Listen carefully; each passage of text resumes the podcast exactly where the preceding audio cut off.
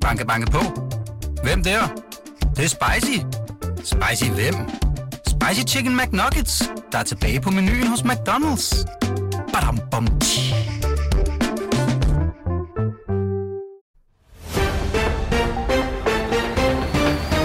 Goddag og velkommen til fredagens udgave af Transfer Radioavisen, som er BT's næsten daglige opstamp med nyheder fra et fedtet, fedtet januar transfervindue. Mit navn er Jonas Dalgaard, og jeg er din vært i dag. Vi starter med en historie fra det vestfynske. I en hurtig sammensætning, der går snakken nemlig på, at Middelfarts egen kong Christian har kunne godt tage del i en bythandel med Crystal Palace, hvor de røde fra Manchester godt kunne tænke sig kandspilleren Michael Olise. Men skal man lige nå at tænke klart, så har Daily Express en troværdighed, altså mediet bag historien. De har en troværdighed så stor, som Rasmus Falks popularitet var i Boldbro i januar 2016. Så Krille han har nok en sæson mere i Manchester i sig. Men så er det altså også hjem til Ådalen derefter. Og så en tur til Uland. Det er ham der, der er på den båd der. Sådan har det lyttet på Djævløen over hos FCK, hvor mesterne er på udgik efter en afløser for ham, den polske rapkæft, der står nede i kassen. Det øh, kan BT's fodboldkorrespondent Fasam Abul Hosseini fortælle, fordi hans transfersnud den kommer ind de steder, hvor vi andre vi kun kan drømme om at være med. Og han kan altså berette, at brillaberne de har udset sig islænding nummer 100, Haukon Raffen Valdimarthon, som ny målmand. Han skulle ikke være nogen Lars Høgh, men han har trods alt imponeret for Elsborg i øh, sekunderligaen Allsvenskan. Så FCK de har altså budt 13 millioner på ham. Det bud, det er noget, som BT de kan fortælle, det er blevet afvist. For det lærer til, at svensken de skal have til både godis og surstrømning, så prislappen den lyder på hele 19 millioner knaster for keeperen, som endda også er jagtet af Aston Villa. Så det kan godt gå hen og blive svært for FCK.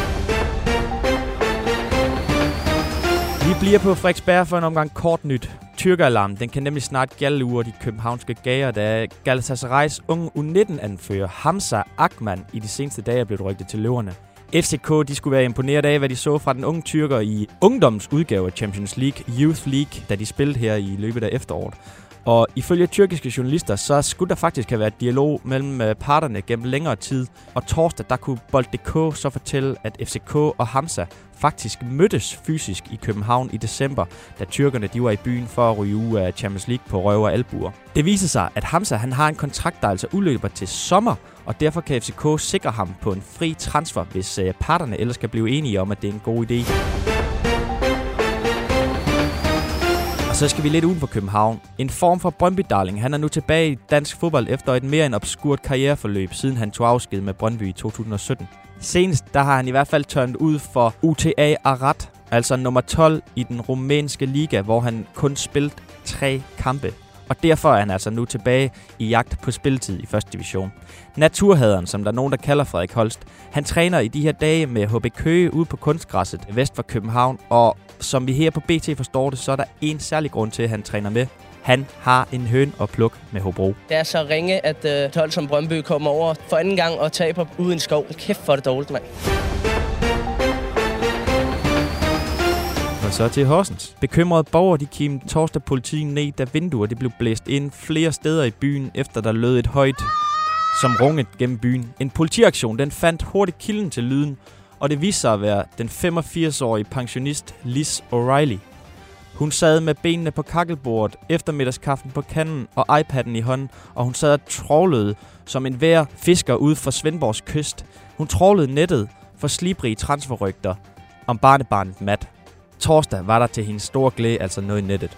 For Sky Sports kunne afsløre, at den lavsokkede danske landsholds venstrebensspiller, han jagtes altså af det her sensationelle La Liga-hold, Girona, som skulle være meget, meget interesseret i at hente Matt O'Reilly fra øh, skotske Celtic i det her vindue. Indtil videre, der har han lavet en sæson med 10 kasser og 10 oplæg, og han har fået øh, debut på det danske landshold. Så Matt O'Reilly, han er brandhamrende varm. Og så skal vi altså også forbi den pinligste transfer i mandens minde i dagens udsendelse. Jordan Hyglerson, han er altså vendt hjem til Europa efter få måneder hos de storsatsende rigmand i Al-Ettifaq. I stedet, der bliver han altså nu holdkammerat med danske Anton Guy i Ajax, der vist heller ikke helt kører på skinner. Med sig hjem i bagagen, der har han et totalt smert image og angiveligt 0 kroner for opholdet, som slet, slet ikke var så lækkert, som han havde forestillet sig, da han kastede alle sine moralske og etiske overvejelser over bord, da han skrev under i sommer. Og vi slutter desværre dagens udsendelse med sørgeligt nyt. For Midtfyns Center for Transferaktivitet, de melder desværre om usædvanlig lav aktivitet. Ja, faktisk er vi helt nede og ringe på et rekordsløjt januarvindue indtil videre. Målstationen i Ringe melder i sin seneste rapport, at der i en radius af 300 km indtil videre har været aktivitet i et niveau, der svarer til hyppigheden af OB's top 6 placeringer de sidste år. Det er rystende tal, lyder konklusionen i rapporten. Og så siger vi tak for i dag og på genhør. BT's transferradiovis er tilbage mandag og tirsdag, inden vi høres ved i transfervinduet igen på onsdag. Hvor vi alle går en transferrig weekend i møde.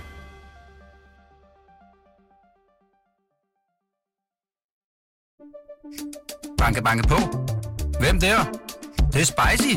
Spicy hvem? Spicy Chicken McNuggets, der er tilbage på menuen hos McDonald's. Badum, bom, tji.